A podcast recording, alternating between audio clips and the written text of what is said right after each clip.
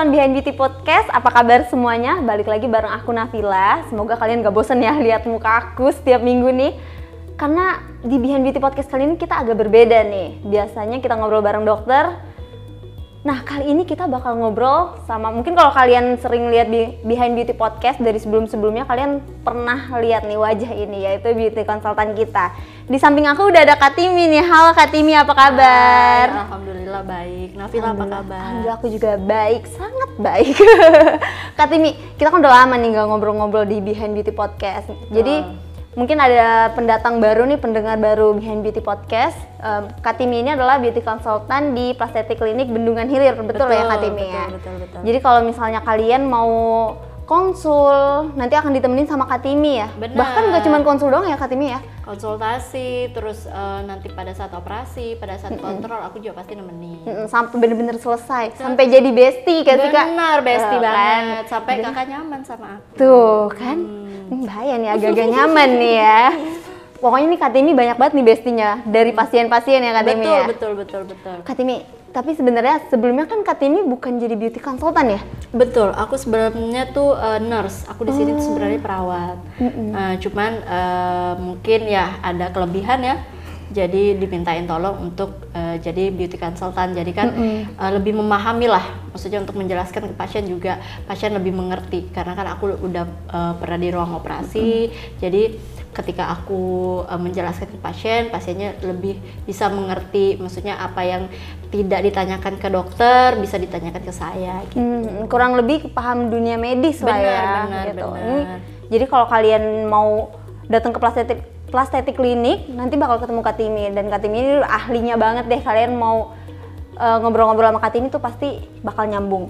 Nah Kak Timi, karena sebelumnya bukan beauty consultant nih, selain kayaknya kalau misalnya ditanya eh, kesulitannya di karena belum tahu medis lagi gini dunia medis gitu kayaknya kan kalau itu karena basicnya emang udah eh, nurse gitu udah Betul, suster gitu. betul. ada nggak sih kak kesulitan kesulitan lain gitu pas baru jadi beauty consultant? Hmm, pada saat awal-awal sih mungkin ya penyesuaian eh, aku berinteraksi sama pasien langsung. Hmm, kalau di aku jadi nurse kan cuman sekedar ya Di nggak- ruang operasi di gitu ruang ya. operasi eh, ngomong juga ngomong tapi nggak ngomong yang meluas gitu. Kalau sama pasien kan eh, ketika aku jadi konsultan aku sama pasien artinya aku em, menjelaskan apa yang eh, pasien tanyakan. Dan itu aku harus mengerti dari em, produk knowledge gitu gitulah Mm-mm, iya, benar. karena kita banyak kan kita banyak nih ada kita ada surgery ada estetik. Dan aku harus lebih mendalami itu teorinya gitu.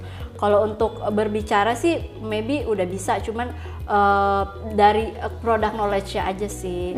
Cuman ke- mungkin itu penyesuaian satu bulan aja hmm benar betul mungkin ada yang pengen jadi beauty consultant nih. Harus banyak-banyak belajar lah ini dari kak Timi ya. Harus apa pun itu ya. Iya, mm. Kak Timi, tapi aku mau tanya nih, ada nggak sih pengalaman yang tak terlupakan saat ngehandle pasien? pengalaman tak terlupakan pada saat menghandle pasien banyak ya. Apalagi kalau misalkan pasien-pasiennya asik gitu ya kan. Em, terus tuh eh, bercerita sama pasien. Itu kan sebenarnya sesuatu yang oh kita eh, jadi teman curhat juga. Iya, jadi tuh kayak oh iya. Tapi itu kan eh, kita hanya nyimpan sendiri gitu. Kita nyimpan sendiri aja. Ketika pasien ad- pengen bercerita apa pun itu ya kita hanya jadi pendengar aja gitu. Jadi kayak lebih ya betul kata Nafila tadi bestie gitu. Kayak lebih seru aja sih. Iya, tapi harus namanya cerita pasien harus dirahasiakan Betul, ya Kak betul, Timi. harus, Jadi harus kalau kalian mau curhat sama Kak Timi nanti kan itu kayak nggak disengaja gitu tiba-tiba curhat mungkin ya. benar, Bener.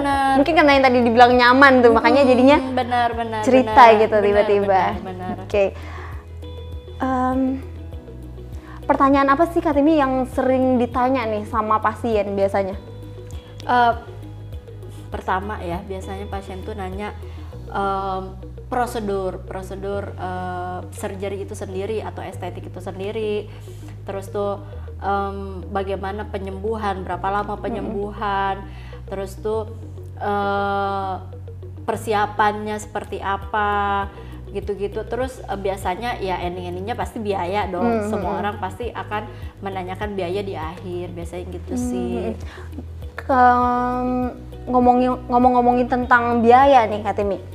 Jadi tuh eh, beberapa waktu lalu pernah ada pasien yang nanya katanya "Eh, kenapa sih kok setiap orang eh, setiap pasien tuh beda-beda harganya. Nah itu nih, Kalau beda-beda ya bukan masalah beda-beda. Kalau untuk beda itu kan sebenarnya tergantung permasalahannya. Ketika eh, mungkin dia nanya di sosial media di Instagram itu kan eh, pasti akan dikasih dengan harga start from. Makanya dia harus datang ke klinik untuk konsul. Kenapa fungsi konsul itu kan sebenarnya untuk eh, dokter melihat langsung dan eh mesti menganalisis ini masalahnya apa nih gitu. Misalkan dia rinoplasti, rinoplastinya itu dia mau renoplasti, tapi renoplastinya ini contoh ya. Eh, dia udah pernah rinoplasti kah atau memang virgin belum pernah rinoplasti terus pengen rinoplasti. Berarti kan beda masalah. Mhm. ketika dia revisi dan virgin belum pernah sama sekali itu kan beda. Itu yang membedakan dong harganya. Dan setiap orang kan beda-beda masalahnya beda. Itu yang membedakan harga. Hmm, kasusnya Kok- gitu mm, ya. Kak, kasusnya setiap kasusnya apa jadi eh, harganya juga pasti akan beda dari itu gitu. Karena ada juga kan kasus ada yang sulit gitu.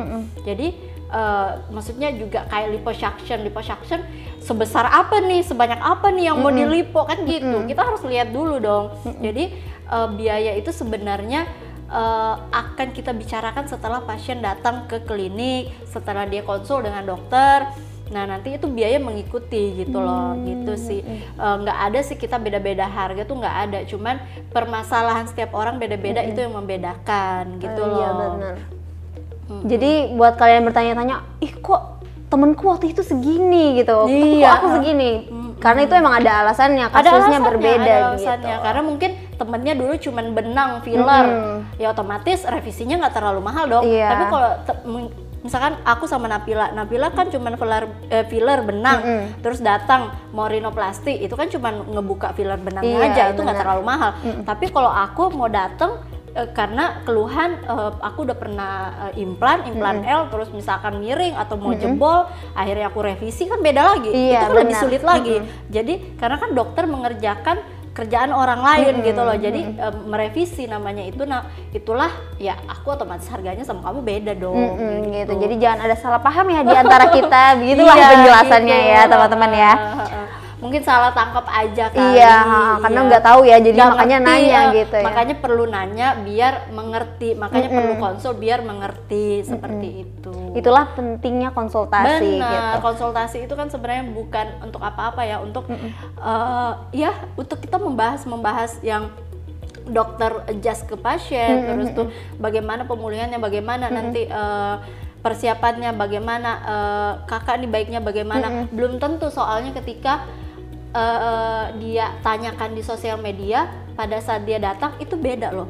Bisa jadi beda. Oh ternyata dia nggak perlu itu. Ternyata dia perlunya ini. Iya. gitu loh. Dia urgentnya ini. Karena kan kita di sini pasti ngasih apa yang diperlukan gitu loh. Mau itu surgery mau itu estetik gitu.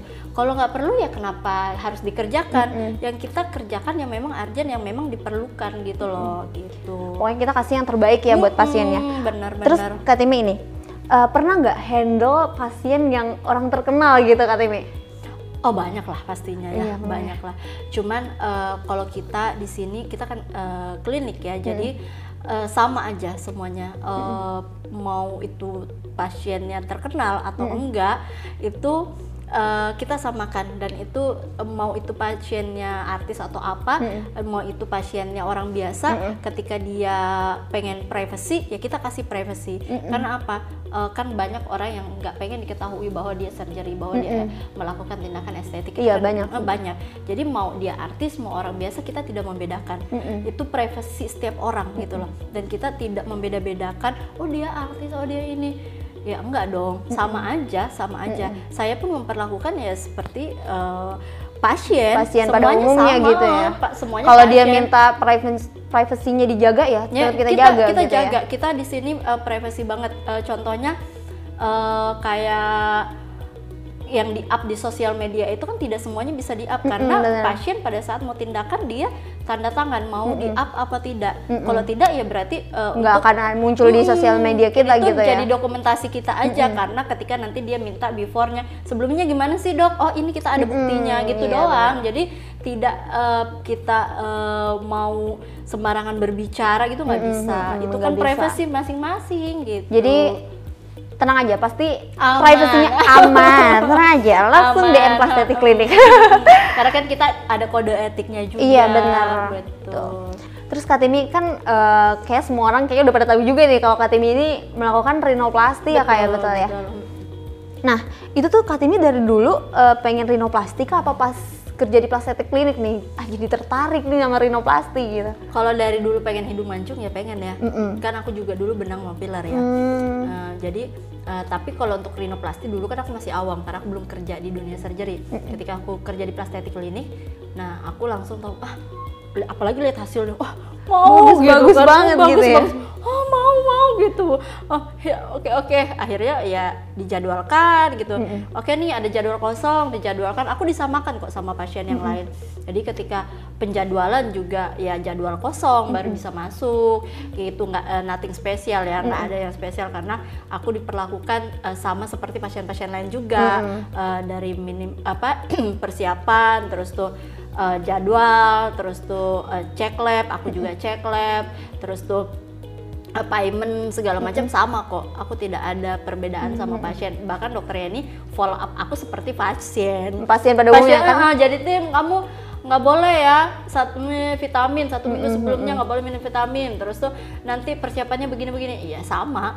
Pada saat aku masuk ruang operasi pun ya sama. Dokter juga menjelaskan nanti begini nanti sama. Oh berarti pas kita operasi tuh kita juga akan dikasih tahu ya nggak boleh ini ini Mm, gitu. pasti, Bener-bener diperhatiin nggak Bener-bener sih diperhati- Katimi? karena kan eh, aku PCR juga gitu kan jadi sebelum operasi itu kan ada cek lab ada PCR gitu dan itu eh, aku dipantau terus sama dokter Yeni sama disamakan gitu Semua pasien pasti sama ya di Hmm, treatnya sama, ya. sama sama Yang pasti akan sangat-sangat diperhatikan ya. nyaman banget pokoknya di plastetik Hati-hati klinik. nyaman ya sama Katimi nih kalau udah ketemu Katimi. saya dan plastetik klinik Iya tentunya dengan Plastetic Clinic. Nih kak, terus kan Katimi ini pasti banyak nih circle-circle-nya nih. Ya. Tapi kalau di circle-nya Katimi tuh mereka tuh memandang bedah plastik tuh kayak gimana sih kak? Kalau circleku kan memang sudah biasa ya. Saya eh, Jakarta gitu kan. Em, pergaulannya juga udah meluas gitu. Jadi eh, mungkin beda ya. Kan aku dari Kalimantan mungkin beda kalau teman-teman kan di Kalimantan mungkin beda. Tapi kalau untuk yang aku nggak tahu kalau dari sudut pandang orang yang di Kalimantan yang masih di daerah. Tapi kalau untuk circleku yang di Jakarta ya udah biasa karena mereka juga banyak sih sebenarnya melakukan hal itu duluan daripada aku gitu.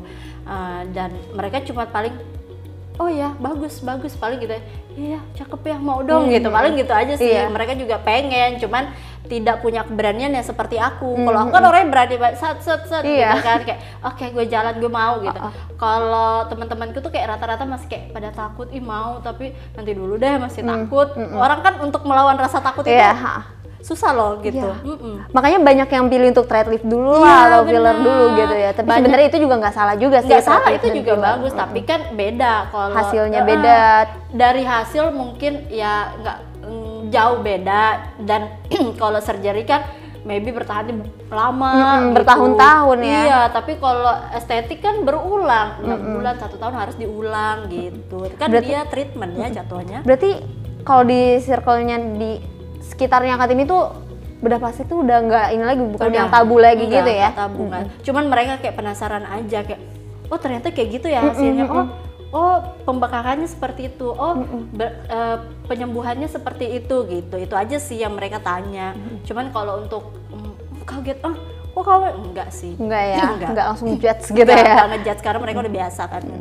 Nah, Katimi ini nyambung nih. Kan kadang-kadang masih ada yang kurang eh, percaya diri, aduh takut mau operasi gitu. Nah, kira-kira ada nggak sih pasien yang datang terus tapi dia tiba-tiba kayak ngedown gitu Katimi. Aduh, jadi kurang percaya diri deh. Nah, itu Katimi gimana sih cara nanganinnya? banyak sih banyak banyak yang merasa takut aku tuh biasanya gini karena aku operasi ya jadi aku paham aku paham eh, ketakutan pasien Mm-mm, aku pun- perasaannya gimana Eh, ya? aku tuh pada saat di WA sama dokter Yeni juga malamnya tim besok operasi jam sekian kamu bawa ini kamu puasa itu aku langsung deg-degan ya Hah, bener ya aku besok operasi gitu Iya. ya berarti itu juga yang dirasain sama pasien. Pa- mungkin pada saat dia konsul namanya pada saat mau hari H pasti mereka ada ketakutan. Dan itu biasanya aku uh, bilang memang harus yakin. Dari awal konsul memang harus yakin. Yakin mm, sama diri sendiri yakin sama dokter jadi akan merasa nyaman juga gitu. Uh, kalau deg-degan mah wajar biasa. Iya, benar. Hal-hal wajar kalau uh, deg-degan itu. Cuman kalau udah di ruang operasi ya udah ternyata biasa aja. Nggak nggak seserem yang dibayangkan. Mereka aduh gimana ya? Gitu. Ternyata- biasanya cuma bilang kak operasinya itu sama sekali biasa aja deg-degan wajar tapi di dalam rasanya ya biasa aja. Hmm, apalagi kalau biusnya bius tidur itu rasanya nyaman banget. Udah nggak berasa Hmm, apa-apa, mungkin ya bangun-bangun udah di udah, di- kelar aja cuman harus siap dengan penyembuhannya. Justru penyembuhannya dua minggu siap dengan bengkak siap dengan biru.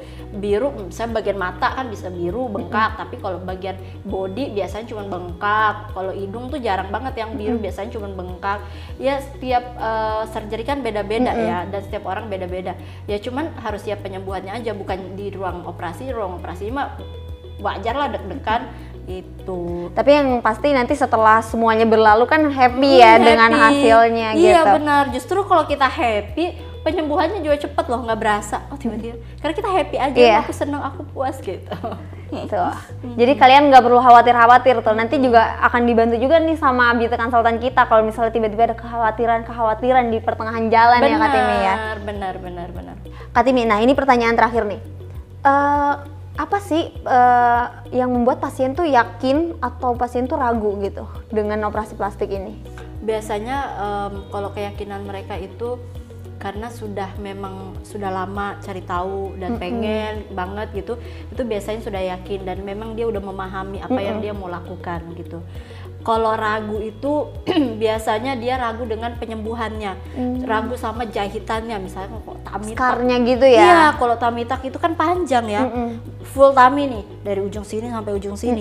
Ya kan dibuang tuh. Terus biasanya mereka ragu dengan eh, jahitan itu bagaimana ya nanti scars ya itu treatment aja gitu. Kan bisa dengan laser, bisa dengan kita ada dokter SPKK, Iya, dokter betul. Anes. Jadi itu nanti bisa dikasih krim buat home care di rumah sehari-hari Iya. dipakein setelah penyembuhan satu bulan misalkan satu bulan. Terus kalau nggak mau jadi keloid kan ada krim kelokot namanya kan, itu bisa dipakein. Terus kalau bagian mata, kalau bagian wajah tuh jarang banget sih. Biasanya ada eh, scars. Biasanya di iya. bagian tubuh kalau untuk scars.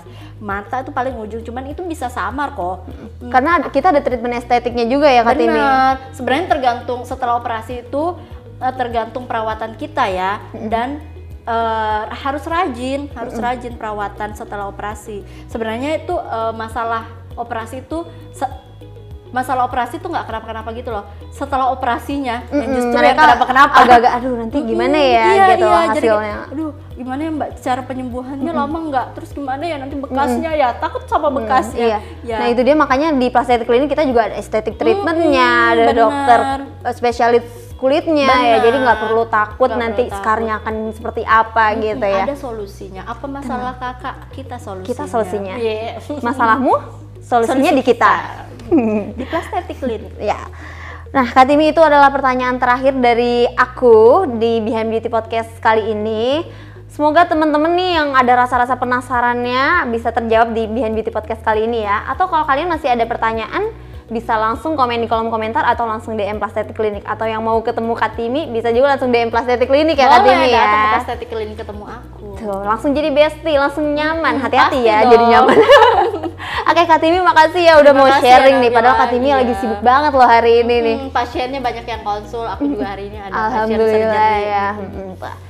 Kalian harus buru-buru ngantri deh daripada nanti dapat ke belakang-belakang lagi makin Iya. lama Hmm, ya nggak minggu-minggu sih. ini full minggu depan masih mungkin dua minggu lagi baru bisa dapat Tuh kan, mending dari sekarang DM Plastetik Klinik. Oke, terima Oke. kasih ya Kak Timi. terima kasih Nabila Terima kasih juga buat teman-teman Behind Beauty yang udah nonton atau dengerin Behind Beauty Podcast. Sampai jumpa di podcast selanjutnya. Dah.